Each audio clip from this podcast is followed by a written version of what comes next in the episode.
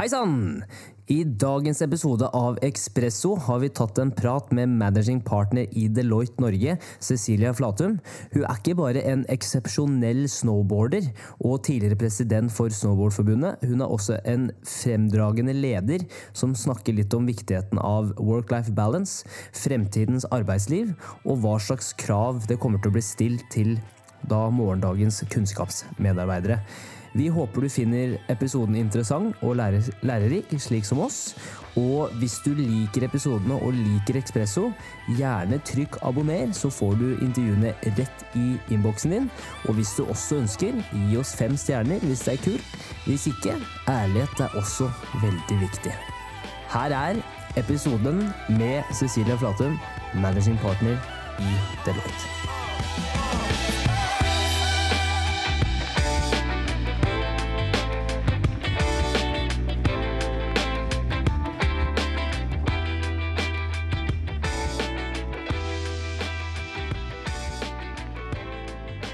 Cecilia Flatum, god morgen. God morgen. Henrik Holt, god morgen til deg også. Hei sann. Er du uh, veldig uh, morgenmenneske, Cecilie? Ja, jeg skal eh, innrømme det at uh, jeg tror jeg ble født som et sånt nattdyr. Men for seks år siden så kom det to karer til verden, og da ble jeg morgenmenneske. Og jeg elsker morgener. Jeg elsker å stå opp tidlig. Vi har to i familien som står opp tidlig, og to som liker å sove. Så å møtes her sånn kvart på åtte i, på Deloitte-huset passa meg bra. Ja, det er jo helt Vi sitter her med nydelig utsikt over Oslo også. Men så tusen takk for at vi får komme hit, og du tar deg tid til denne podkasten. Ja, det er bare hyggelig. Eh, vi kan gå rett på sak. Eh, hvis vi skrur tiden tilbake til da du var rundt 20 år, eh, hvordan ville du beskrevet deg selv da?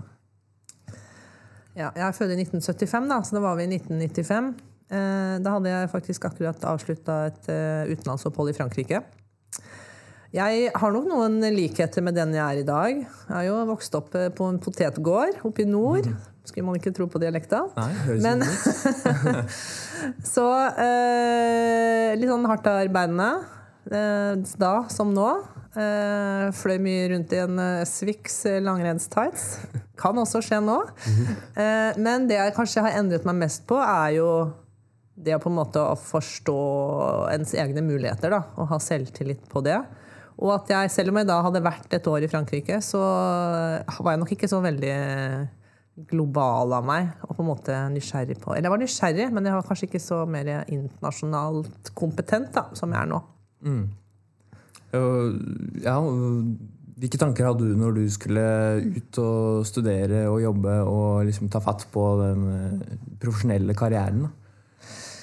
Um, nei, I forhold til valg av studier så husker jeg at det var egentlig to ting som jeg var veldig sånn splittet uh, mellom. Jeg har jo alltid vært veldig drevet med mye forskjellige idretter. Skulle man liksom gjøre noe i den veien, eller skulle man gå mer businessveien, da, for å si det på den måten? Um, så um, datt jeg liksom bare inn på studiet på statsvitenskap. Ja. Ramla inn der? Ramlet inn. I sviksbuksa mi. Ja, rett, rett fra potetkorn i Rødåsdalen og inn i sviksbuksa. Men, men så jeg har, liksom, jeg har, et veldig sånn kommersielt hode. Eh, og så skjønte jeg etter hvert at jeg måtte på en måte ene noe mer businessorientert. Så da dro jeg til Skottland og tok en master i business economics. Um, og så når jeg skulle begynne å jobbe, så bare søkte jeg på masse jobber. egentlig Og så mm. fikk jeg en jobb som kontroller på Ullevål universitetssykehus. Ja. Så jeg var ikke sånn veldig bevisst. Jeg hadde ikke noen sånn 20-årsplan. Jeg bare ville ha en jobb, egentlig. Ja, og tenkte at jeg måtte lære, og basert at jeg kunne bygge på det jeg hadde studert. Da. Jeg har alltid vært litt sånn nysgjerrig på det med offentlig i skjæringspunktet mot privat sektor. Mm. Jobber dere mye med offentlig nå?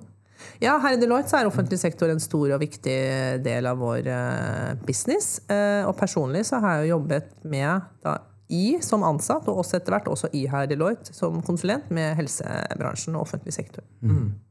Uh, men du nevnte også litt med snowboard. Du har vært aktiv innen, innen det feltet også, kan man si.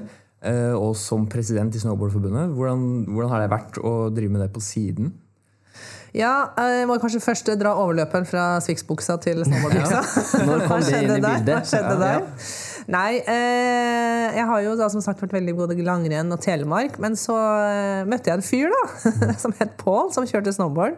Og så var jeg med i Vassfjellet og prøvde snowboard, og så ble jeg bare helt vet ikke, Det var noe med den sporten og det, eller idretten og eh, miljøet som gjorde at jeg ble helt frelst. Det var på en måte en helt annen uh, kultur og liksom det å kunne utfolde seg selv og veldig sosialt. Så øh, jobbet jeg jo da Det er en slags rød tråd her, Odin. Ja, ja, så jobbet jeg jo da når jeg var kontroller på Ullevål, så var han som var landslagslege i Snowboardforbundet, eh, Jørn Torjussen, eller for snowboardlandslaget, jobbet også der da, på samme enhet. Eh, så vi snakket veldig om snowboard, og da sa han ja, men Cecilia, du har jo så mye hjerte for snowboard og mange gode tanker, og så har du også en økonomiutdannelse. Det mm. kan Snowboardforbundet dra nytte av. Så da kom jeg inn i styret. Det som kanskje var det er jeg skal si krevende, men det er jo en fase i livet hvor man ikke har så mye annet å tenke på enn seg selv. Det var jo de seks årene jeg var jeg ble president i 2009, og så ble jeg partner i 2010 her i Deloitte. Og så ga jeg meg vel i 2015. I Snowboardforbundet? Ja. Mm. ja. Nei, Deloitte er jeg fortsatt. Ja, ja. Eh, så nei, Hvordan var det? Altså, jeg tror det var, dette er kanskje litt av fordelen med konsulentbransjen. Da, er jo at det er veldig fleksibelt. og Det er ikke sånn at man forventer at du skal være på kontoret klokken åtte og gå klokka fire. Du gjør den jobben der du er, når du er. men jeg har vel kanskje hatt noen snowboardmøter i arbeidstida også. Ja, Sneket inn noen. Sneket inn noen møter. Podcast er der. Men eh, så er jo altså veldig mange sene netter, rett og slett. Mye Hvis man var på konkurranser for å både ha møter eller eh, hva skal vi si, heie på de, heie de på de som konkurrerte, så var det liksom å fly ut eh, sent på kvelden og lande på Gardermoen på mandag morgen og dra ett på jobb. Mm. Så det er bare, når du gjør det du elsker, så tenker du ikke på tid og det. Det er mest gøy. Mm. Men som det sa når jeg ga meg, så sto det i VG eller i Aftenposten at eh, ja, nå skal jeg jobbe med jobben i Deloitte. Og så sa sjefen min Sjur bare for å si det, Cecilia, dette har alltid vært din betalte jobb. så, nei. Men jeg er veldig takknemlig for at eh, Deloitte eh, lot meg holde på sånn som jeg gjorde i den tiden. da, Og ikke satte de begrensningene. Så lenge jeg gjorde jobben min. Det har vært viktig å koble deg litt også, kanskje? Og gjøre noe annet? Man, man, ja, jeg vil liksom oppfordre alle til å ha noe man virkelig brenner for. Da. Fordi mm. Eh, da tvinges arbeidstiden litt ned. Det tror jeg er sunt. Mm. Og så, som du nevnte, ja. du blei jo eh, første kvinnelige partner i Deloitte. Hvordan var det? Ja, 2015, dette her var jo da i 2010. Jeg kan surre litt med årstall, men jeg ja. tror det var i 2010. Um, nei, når jeg kom inn her i 2004, så eller var det 2005? Jeg husker ikke.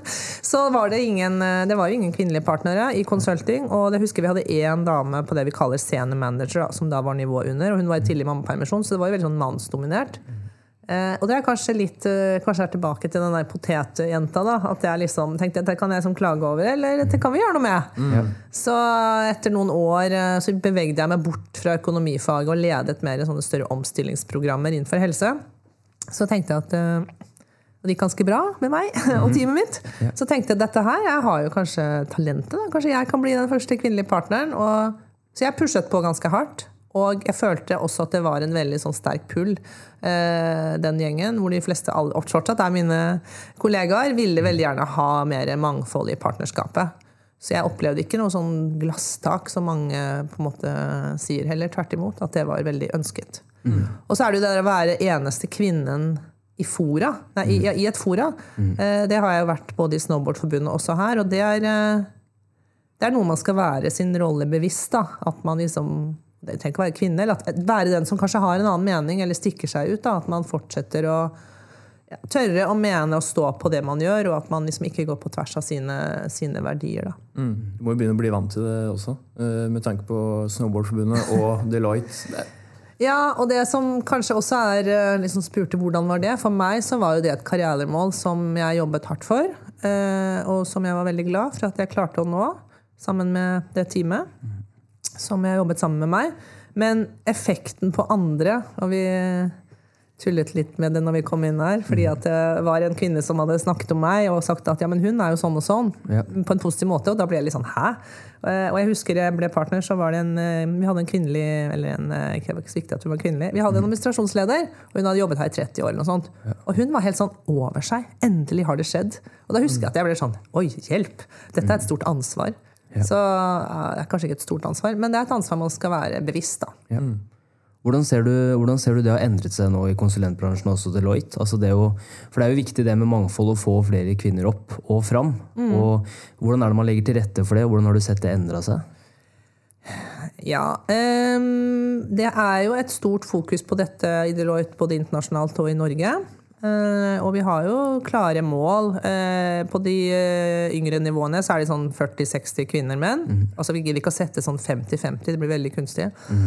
Men på de seniornivåene så har vi et mål om bare opp til 25% For det er altså Dessverre så er vi ikke gode nok. Vi mister mange dyktige på veien. Og så er det litt Seniorrekruttering kan være en utfordring, fordi det er Eh, og vi retter oss også mer mot teknologi nå. Eh, cloud, SAP, Salesforce, Analytics, maskinlæring.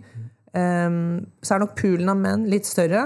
Og det å på en måte da være attraktiv for kvinner, det er noe som vi jobber mye med. Men jeg tenker, vi har i hvert fall satt mål. Det er steg én. Og vi er bare rett over 20 mm. Vi er vel av de bedre, tror jeg, konsulenthusene. Men langt fra bra nok. Og så må jeg bare komme med en liten kommentar der også. Nå er jo dere to unge menn. Så det er jo også en et, uh, tematikk som vi snakker veldig mye om diversity of thought. Vi har egentlig prøvd å bevege oss bort fra den mann-kvinne, for jeg føler kanskje en liten avsporing. Mm. Eh, fordi eh, jeg vet jo, og det har vært litt i media om det også, at eh, hva tenker eh, yngre menn? da? Mm. Hvis vi skal nå disse målene, vil vi ha en sjanse? Så jeg tenker det er en debatt man skal være bevisst på da, ja.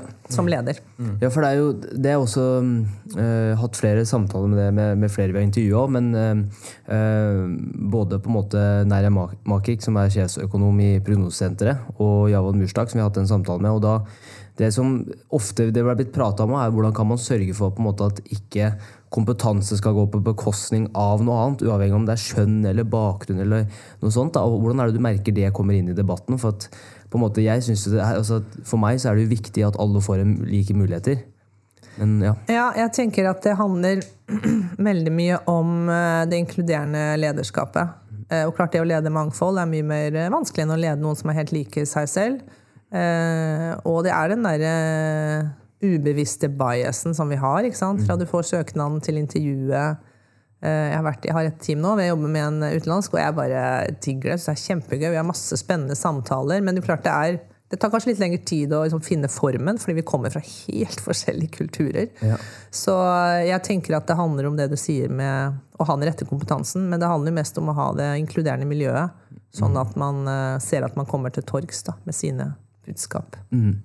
Og Hva kan man gjøre for å sørge for at eh, flinke folk ikke faller av på en måte, i det der, på en måte, hva skal man si, den veien mot kanskje en partnerrolle eller hva enn det skulle være? En seniorrolle. Hva kan man gjøre for å sørge for at både menn og kvinner føler at de har, en, eh, de har vekstpotensial? Ja, um, vi gjorde litt analyser i et prosjekt her uh, som egentlig var retta mot kvinner for noen år siden. Og da så vi jo at det er faktisk dessverre Det var mange menn også som sluttet, sånn når man har kommet halvveis i pyramiden. Mm. Fordi man kanskje har blitt far eller har blitt mor, og man tenker nå skal jeg gjøre noe annet. Så eh, det er jo flere ting. Det ene er jo å ha mange forskjellige rollemodeller, da, sånn at man eh, ser noen som får det, får det til. Og vi er veldig også åpne på fleksibiliteten i forhold til at man setter eh, tilpasser forventninger og krav til den enkelte. Og så sier noen men det er ikke så lett, for kanskje dere gjør det, men så kanskje man kommer ut hos en kunde som ikke mm. gjør det. Um, og eh, så er det jo det å sette mål, sånn at alle lederne i hele organisasjonen um, føl, uh, på en måte ser at det følger det opp, da. Mm. For det er jo klart et kjør i konsulentbransjen. Det er det. skal jeg ikke legge Hardt arbeid. Mm. Men, ja, det er hardt arbeid, vet ja. du. mye hardt arbeid her. Ja. Men det er også mye fleksibilitet og eh, jeg, Forskning viser, og etter 50 timer er du ikke produktiv. Nei. Så eh, jeg prøver å ha fokus på hva jeg gjør, og ikke antall timer. Mm. Det er vi helt enig i. Jeg digger det. Jeg digger det. Men har du hatt noen mentorer? Altså sånn, både i Snowboardforbundet selvfølgelig gjennom snowboardinga òg, men også mm. Deloitte. Da, for det har jeg også lest veldig mye om viktigheten av å ha folk man kan se opp til, og man kan strekke seg etter, og som på en måte fører deg litt på mm. riktig vei underveis. Ja, jeg har hatt uh, noen uh, forskjellige som jeg har liksom, samtaler med. Um, den som jeg kanskje har brukt mest siste året, jeg, eller siste årene, det er jo Åse Lundgaard, som var tidlig administrerende direktør her i Deloitte. som jeg har tillit til, og hun kjenner meg og hun kjenner selskapet. Så, litt, vi er forskjellige også, så det har vært en veldig nyttig støttespiller. Så sniker jeg meg til litt uh, sparring her og der. uh, og så har vi en, faktisk en jentegjeng, også de fra Snowboardforbundet. Uh, Lisa og Dagfrid de er, litt, de har ledere i andre bransjer, og vi møtes av og til. Og jeg tenker det er litt sånn gjensidig mentoring, fordi vi kan snakke om utfordringer og gi hverandre tips og vink. Mm. Og så er jeg blitt mentor selv, da, på Ski Leads-programmet til Ski Community. Så um, skal faktisk ha en prat i morgen med ja. min mentee. Så. Mm. Hvordan er det Må man snu på det? Altså. Um, ja, altså Det store utfordringen er jo at du skal liksom uh, sippe igjen ja. og, og, lede mentien gjennom en prosess, da, og mm. ikke komme med det du tror er svarene. da. Så jeg syns det er kjempespennende. Mm. Det er mange, mange, som sier at uh, man lærer mye begge to da. Ja, ja, ja, For det er noe helt annet å ja, plutselig skulle lede en så ung, og det blir veldig annerledes, kanskje. Du må sette av tid til selvrefleksjon. Mm. Det er det som gjør at man endrer seg. Mm. Eh, vi skal komme litt tilbake til det her, med, og spesielt med ambisjoner og det som er litt eh, på siden av det faglige. Men eh, Deloitte, dere, dere tilbyr masse ulike tjenester, og det er mye innenfor digitalisering. Du leder jo konsulentvirksomheten. Og så er det, er veldig mange buzzwords og diskusjoner og digitalisering og omstilling og hele pakka. Hvordan er det Deloitte skal klare å på en måte ja, ta i bruk sin egen medisin og bruke det dere tilbyr kunder, på dere selv? Mm. For man skal gjerne man skal digitalisere, men man skal gjerne beholde ansatte også, helst, kanskje. Selv om ting blir automatisert. Ja. Um, jeg tenker at For å svare på det, så det vi, vi, holder faktisk på med det akkurat nå. Når eh, vi hjelper våre kunder. For dette handler om strategi. Uh, og jeg tror liksom femårsstrategiene, det har vi sett nå med korona, de kan vi legge til, legge til side. Så vi jobber med noe som heter zoom out, zoom in. Eh, hvor man tenker langt frem, sånn 2040-2050. Hvordan er vår bransje da? Hvordan er samfunnet? Hvem er kunden? Altså hvem er de ansatte? Superteam med kombinasjon av mennesker og mm. roboter. Mm. Mm. Og så ser du for at det kan spille seg ut ulike scenarioer. Og så er det jo noen ønskede scenarioer. Selvfølgelig at man. Har et Best selskap som Ja, og så er det noe som man må prøve å slå, da. Mm. Eh, så det er noe vi eh, jobber med. Så litt av de tingene som jeg tenker påvirker hvordan vi selv må ta vår egen medisin, det er jo um, det er liksom Hvilke trender er det som pågår nå? Det er en ting jeg kaller liksom den sofistikerte kjøper. Det er jo at mange av våre kunder kanskje shopper litt mer konsulenttjenester. Man skal liksom ha dyp spisskompetanse litt her og der. Man bruker de store konsulenthusene, man bruker frilansere, man bruker de små. Man crowdsourcer. Eh, på mange forskjellige måter, som gjør at vi da må gå i forskjellige øko, økosystemer. Um, I tillegg så er det jo da hele den teknologibiten da, som du egentlig spør om, uh, Odin. Og det er jo det vi har um, gjort. da, For før så var vi liksom Her er teknologienheten, og her er strategy-enheten, og her er liksom operations-enheten. Uh, det fjernet vi for, noen, per for et og et halvt år siden, og nå er liksom teknologi organisert liksom inn i hjertet på alle tjenestene våre. Ehm, men vi ser jo det at teknologi er jo da en del av også de mer tradisjonelle sånn én-til-én-tjenestene. Ikke én til én, men eh, lederutviklingen, da, som er en veldig menneskelig tjeneste. Så jobber vi jo der nå og ser hvordan bruker vi teknologi inn og agile tilnærmingsmåter også i utøvelsen av det. Eller strategifaget, hvor før kanskje var veldig mye sånn typiske desktop-analyser som ble gjort av eh, dyktige, nyutdannede konsulenter fra NTNU eller NHH. Det kan vi nå gjøre med maskinlæring eh, for å finne mønstre og gjøre analyser. Kanskje en del analyser ikke gjøres her i Norge, men sendes til eh, typ India eller andre steder å, hvor det er god, veldig god kompetanse, men også billig arbeidskraft. Så det å på en måte få opp de superteamene, det er jo litt av det som er trenden som vi må forholde oss eh, til. da. Mm. Så det er jo det utadrettede. da. Hvis man tenker innad, så jeg tror ikke vi er så gærne. Når det liksom korona kom, så var det ganske lett å få alle på hjemmekontor. Vi mm. bruker jo virtuelle mm. kommunikasjonsverktøyer. Det som kanskje er litt utfordrende, er at vi har mye workshops og fasilitering. Og der er det utrolig mange gode apper da, man kan bruke, men de er jo ikke cybergodkjente. Så det er jo mye spennende teknologi, men vi er ganske strenge, så vi må også holde en del igjen da, for i forhold til, forhold til det. Så har vi masse interne prosesser som kan automatiseres og den type ting. Da. Men jeg tror vår modell ser veldig annerledes ut, uh, i hvert fall sånn 2030-2040. Ja.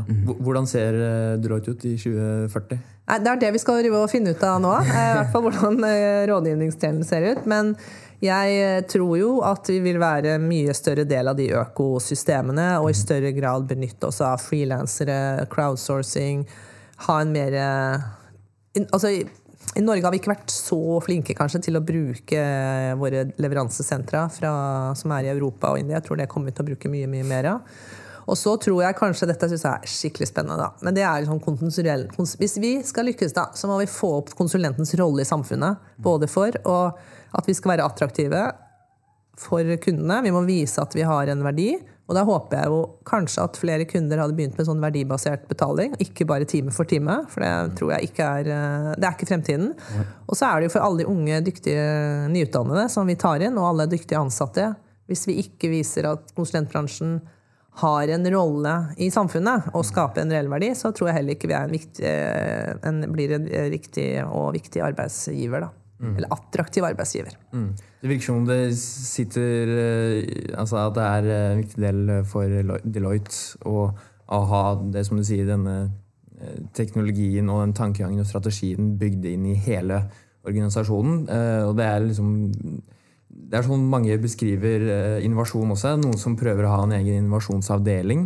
Men da, da funker det ikke helt. fordi det er liksom, Hvorfor skal liksom bare dere innovere, og ikke alle? på en måte?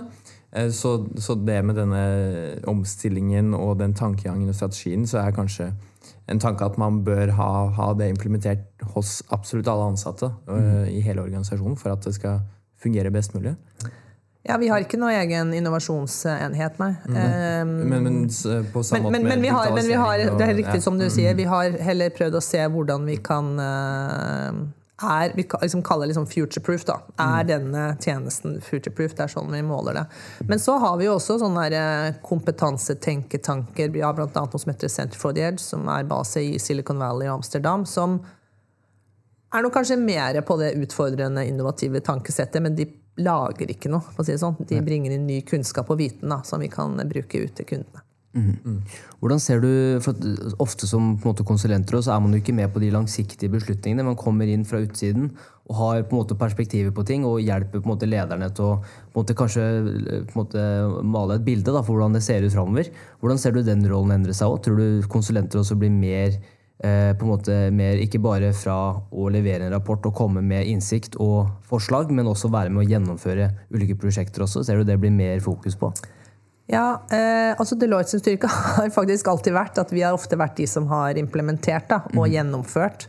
Eh, og veldig mye av mine egne prosjekter innenfor helse har liksom vært tre år. Eh, hvor man har fulgt eh, noe fra en beslutning til en ferdig løsning. Og så har vi mange veldig korte prosjekter. Eh, men eh, i hvert fall sånn som vi ser det, så er det stadig flere som er nysgjerrig på den som jeg snakket om i stad, med scenarioer og en zoom out, zoom in. Hvor skal man gå? Mm. og vi vi kaller det Imagine Deliver Run. Vi er jo da med på den Imagine, hvor du ser for deg fremtiden, men også levere. Og den delen vi har mest å utvikle oss på, er kanskje den run-delen, som er liksom å drifte og vedlikeholde i mhm. en eller annen um, ja, en eller annen type leveranse. Da. Yeah. Så, men jeg tenker jo at det er viktig at man bruker konsulenter der det er et behov. Og det er jo enten fordi du trenger en eller annen spisskompetanse, eh, og, eller at du trenger eh, det kan jo være noe faglig, eller at du er i en bransje og trenger innspill fra hva som har skjedd i den bransjen i andre land, mm. eller på tvers av bransjer. Eller der du trenger kapasitet i en periode. Ja. Så eh, jeg er liksom veldig for den bevisste mm. konsulentprofilen. Jeg vil ikke bare levere en rapport. Nei. Det er det verste som fins. Ja, ja. da må du være veldig sikker på at den ja, fikk en verdi, da. det, men, men, den verdibaserte forretningsmodellen også, da. hvordan ser du at det kan utfolde seg i praksis? Um, nei, altså det er jo Kan jo knytte betaling og uh, verdsettelse opp i forhold til f.eks. For hvilke gevinster som man har identifisert mm. eller tatt ut, hvis man skal ta det et steg videre. Man kan ha den mer milepælsconnected. At man ikke uh, bare liksom tar inn noen i 100% og så jobber de og kanskje mange, opp, opp, vet ikke, oppfølging av fremdrift er mangelfull, eller at konsulentene kommer inn med for store verktøyskasser som ikke er tilpasset. Da. Ja. Eh, så det er i hvert fall eh, noen av de eh, tingene som man kan ha som man kunne måle på. da. Og så vet jeg at det er vanskelig, ikke sant? for når rammeavtaler så kroner er så inne, eller timepris er så veldig lett å sammenligne. Ja. Mm. Eh, og jeg har sikkert noen her på huset også som syns det er litt skummelt med litt for sånne vidløftige, verdibaserte betalingsmodeller pga. risiko. Ja. Men jeg er helt sikker på at det er dit vi må. Mm. På en eller annen måte. Mm. Hvordan, hvordan, ser du, når du først begynte i din første jobb innenfor helsesektoren, hvordan har du sett det endre seg? Altså digitalisering innenfor helsesektoren i Norge, både privat og offentlig. Det, er, vi, er, vi, langt framme i helsesektoren når det kommer til det? Um, på mange måter så vil jeg si at ja. At jeg mener at norsk helsevesen er ganske langt uh, fremme. Vi har eh, fantastiske registre som går langt tilbake i tid. Vi har masse data og veldig mange dyktige forskere som på en måte bringer ut kunnskap fra det. Vi har jo gode pasientjournalsystemer og andre mm. typer sånn kurver og sånn, uh, i ulike løsninger, men det som på en måte har vært den store utfordringen, er jo å ha et helhetlig system. At informasjon flyter, og det er også en, juridisk uh, utfordring. Um, men jeg har vært på en del um, også på noen internasjonale sykehus, jeg, eller i andre land, i USA og i Danmark og England, hvor jeg ser at Norge er faktisk ganske langt framme. Mm. Eh, det, men det er jo å ha liksom, de grunnleggende plattformene og de sikre systemene i bånn. Og jeg ser jo også eh, sterke legemiljøer som også bruker jeg skal kalle det mer innovative løsninger, men det å skalere det, det er det som ofte er eh, vanskelig. Mm. Også igjen for at pasienten også skal eie sine egne data. Jeg har jo to på seks år som ble født litt for tidlig, og vi fløy rundt med de papirene fra sykehus ja. til sykehus. Og det var vi foreldre som var huben. Mm. Men det tror jeg nok er mer et juridisk problem enn et teknologiproblem. da. Mm. Men norsk helsevesen er veldig veldig, veldig bra. Det har vi sett i disse koronatider. Mm. Vi har fått inntrykk av at uh, gjennom de vi snakker med, at uh, det offentlige er faktisk veldig langt frampå når det kommer til digitalisering. Tenk Lånekassen, mm. Altinn. Altså, nå vet jeg at Nav får mye pepper om dagen, men de også er liksom godt på vei. Og, ja. mm. Så hva, hva, når dere er ute og jobber hos, jobber hos, klienter? med tanke på, Dere har sikkert eh, en hel rekke ulike typer klienter. Er det noen spesielle utfordringer dere møter når det kommer til digitalisering? Ja um vi snakket om litt eh, før vi startet her at det kanskje ikke handlet om teknologien, men mm. menneskene. Eh, så eh, en klassisk utfordring kan jo være, i hvert fall hvis vi skal virkelig digitalisere oppgaver og ikke bare sette strøm på dagen, så at det vil endre hvordan man jobber, hvilken type kompetanse man har. Eh, vi har jo nylig gitt ut en sånn uh, Human Capital Trends-rapport som handler om superteams, hvor du liksom har en chatbot som kollega. Mm. Og, det er jo noe som jeg tenker mange kan synes er litt skummelt, da, og ikke vil være med på den reisen. Så det å være, jobbe med kundene og trygge lederne på at det vil fortsatt være jobber til alle, men mm. kanskje litt annerledes, det tror jeg er en sånn menneskelig greie som ligger egentlig i alle, alle bransjer. Mm, så man bør, eh, man bør, jobbe litt uh, selv, kanskje, med å kunne utvikle seg og tilpasse seg også. Uh, med tanke på at okay, kanskje du skal Det kommer til å være en jobb til deg, men den blir ikke akkurat det samme, kanskje? Ja, nei, det tror jeg er helt, helt riktig. Og så er det noen bransjer som jeg tenker er Jeg hørte var sikkert en podkast rundt f.eks. det å kjøre buss. da. Mm. Der det jo, kommer det jo til å bli selvkjørende busser på et tidspunkt. Mm.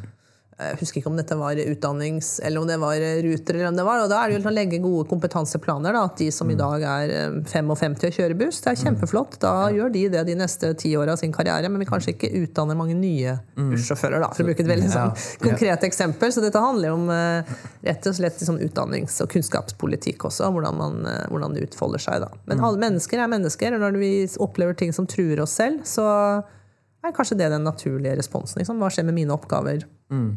Så det er, det er, et perspektiv fra organisasjonen og utdanning og politikk, og sånt, men så har du det eh, personlig også. Altså, hvis du hadde vært 30 eh, år da, og bussjåfør, så, så, burde du kanskje ha begynt å tenke litt på at jeg skal lære meg andre ting også. Eh, så, men det kan jo være veldig utfordrende. Altså, har du kjørt buss i ti år, og så skal du plutselig ikke få lov til å gjøre det lenger? Hva, hva, hvordan går man frem da? på en måte? Altså, da må man lære seg, skal lære seg kode. Nei, men jeg tenker jo at det er jo eh, en digitalisering Men det sier jo litt om hvor mange fasetter det er. da. Det handler jo om å på en måte få inn de rette løsningene, at det fungerer da i, forhold, i en helhetlig arkitektur og teknologisk. Men den viktigste jobben kanskje gjør man rundt, da, i forhold til hvordan man jobber. HR blir jo kjempeviktig. Hvilke prosesser har man? Hvordan ivaretar man menneskene i denne prosessen da, på, en god, på en god måte? Så jeg er jo sånn som har tro på folk, så jeg tror at den bussjåføren kommer til å klare seg. Kanskje han blir kunstner eller noe. Ut fra den innsikten vi, vi får oss, så virker det som at eh, måte, eh, robotene er jo ikke her for å ta jobben vår, men det er jo for å gjøre det lettere for oss å gjøre jobben vår. Eh, og jeg syns det er veldig interessant, for det er jo veldig mange som selvfølgelig Vi er jo redd for det ukjente, og det er vanskelig å gjøre en endring før det gjør vondt. Eh, men så ser vi også allerede hvor mye bedre og mer effektive vi har blitt pga. teknologi. Altså holde, igjen, holde den tanken òg, da. Mm. Um, og det er litt interessant å se, som det du sier, da. Det, vi har vært gjennom den type ting før, uh, med tanke på covid og altså, veldig store omstillinger da, og industrielle revolusjoner og sånt noe. Men uh, med tanke på digitalisering som skjer nå, hva er på en måte forskjell kontra tidligere? da? Ja, det er jo riktig som du sier, man ser jo at det er, eh, er sånn ca. 100 år da, mellom hver revolusjon. Og når uh, Spinning Jenny kom, så var det sikkert yes. noen sydamer eller symenn mm. som ble litt redde, men det gikk bra, det også. Eh, forskjellen nå er jo at det fra det er sånn tidlig 60-tall og utover har liksom gradvis så veldig mange teknologier da, som har utviklet seg i en gradvis fart og etter hvert mer eksponentielt, understøttet av økt prosessorkapasitet. Så på en måte alt passerer dette tipping pointet. Da. Eh, kanskje ikke samtidig, men mer eller mindre samtidig, så effekten blir større. Og det som jeg tenker også er forskjell at det berører så mange bransjer. Før så, eller klart når hjulet kom og motoren kom, og alle de tingene der, og bilen kom, så skjedde det ting. Men jeg tror vi som samfunn adopterer jo teknologier også mye raskere nå enn vi gjorde for 100 år siden. Um, og jeg tror også myndighetene tilpasser regelverket mye raskere. Så det er det der at det er den totale omveltningen i bransjer. Det er det som er det forskjellen. Pluss at vi som mennesker er jo også mye mer globale. Vi vet jo om, Før så visste man jo ikke om hva som skjedde på andre sida av jorda. Mm. Eh, det tok lang tid i hvert fall før man fikk vite det. Så det er jo det som er den store forskjellen nå. Da. Så. Vi lever jo i en vanvittig spennende tid. Mm. Ja, og litt skummel, kanskje. Ja. Men Tror du det kan bli et nytt klasseskille også? Altså litt sånn i forhold til Du, du har eh, på en måte Yuval Harari snakker jo også om det med homo deus også. ikke sant? Det er neste delen av mennesket.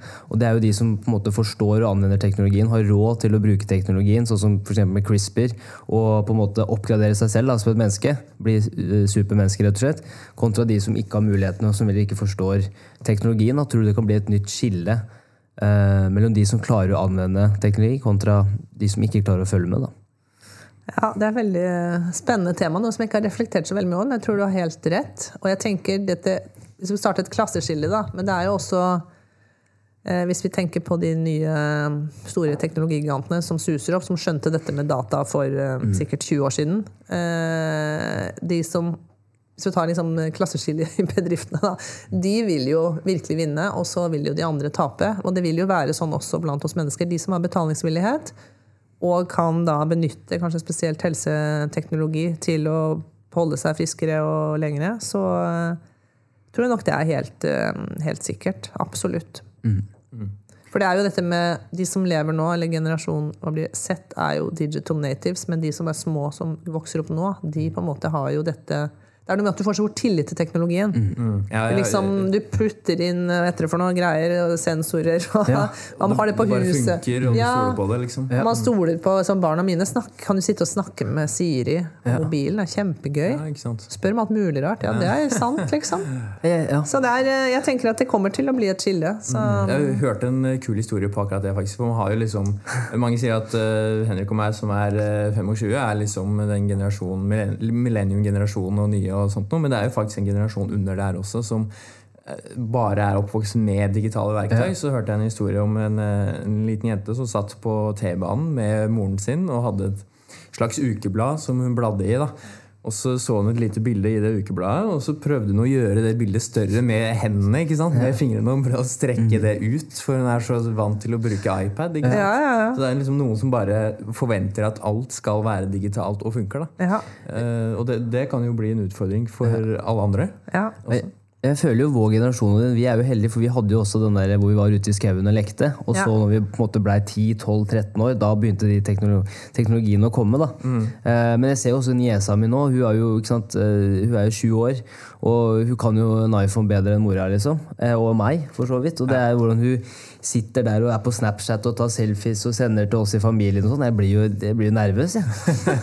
og hvordan, hvordan, hvordan, ser dere det, eller hvordan ser du det utvikle seg òg, i forhold til at nå Eh, måte Barn får jo det her inn, inn liksom fra en ung alder. Og ja, Er det bra for de òg, å ha så mye tilgang på teknologi? da? Ja, altså, dette svinger jo litt. Dere er jo kanskje en generasjon som da opplevde litt av det gamle livet på, som jeg vokste opp i, og litt av det nye, og som gjorde at man kanskje utforsket det veldig. Jeg har også to nieser, og hun yngste hun er vel 18, eh, mer generasjon sett. Og de, er jo litt sånn, de har vokst opp med terror, nå korona. Ja opplevd utnyttelse på nett. Altså, så jeg merker at de er mer sånn skeptiske og liksom deler mer i lukkede grupper. Mens ja. de barna eller de ungdommene som nå, unge voksne som er ti år eldre, kanskje lagde filmer og bare la rett ut.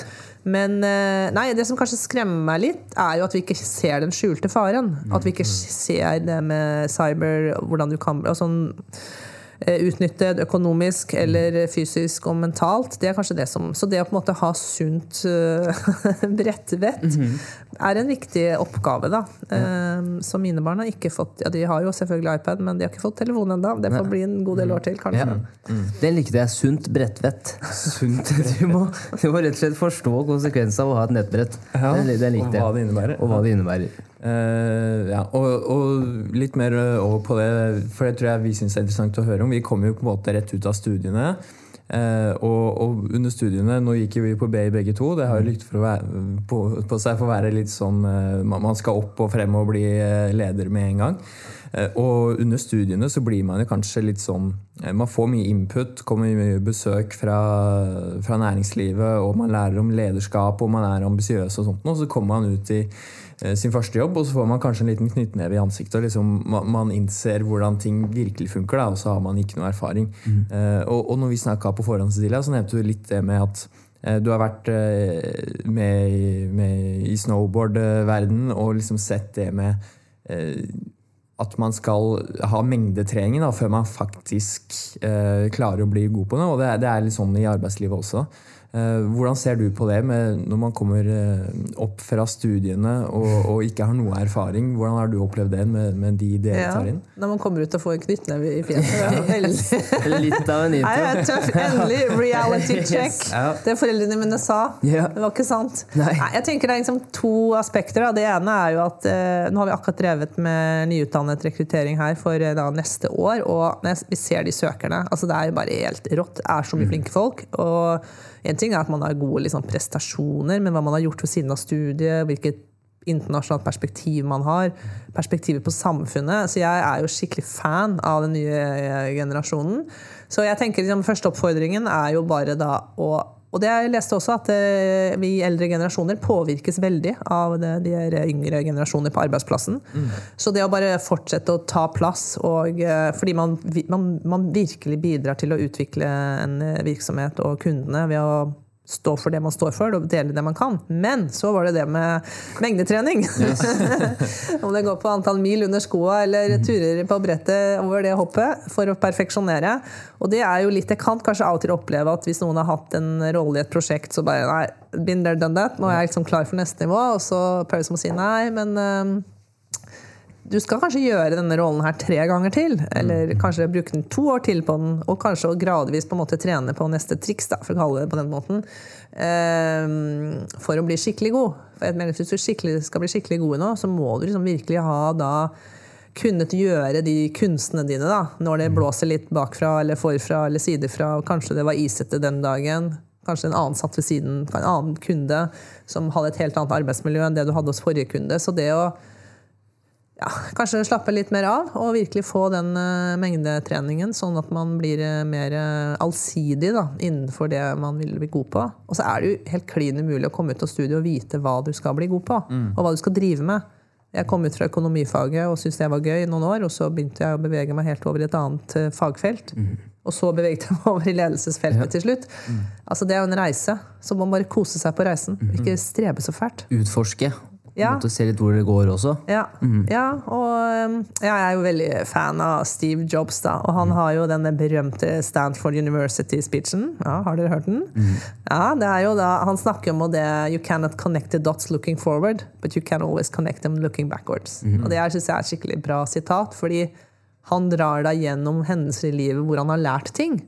Kanskje han har vært i en helt annen bakke enn det han planla, og der lærte han noe nytt, og så trakk han det liksom inn på sin eget uh, run, da, for å fortsette med snowboardspråket. Mm. Yeah. Og så ble han den han var. ja. Så det å ja, kjøre litt i bakken, kjøre på is, kjøre litt uh, i skogen, mm. da blir man bedre til slutt. Det mm. samme gjelder i næringslivet òg. Ja. Man, får jo kanskje litt inntrykk av at uh, man skal få til alt før man er 30 også. Altså, det er litt tenkt, tenkt litt på, spesielt under studiet. Man ser jo nyhetsartikler uh, av uh, entreprenører som har klart å få til det før de er 23, eller altså 30 under 30 og, og den type ting. Altså, man blir jo kanskje påvirka veldig også.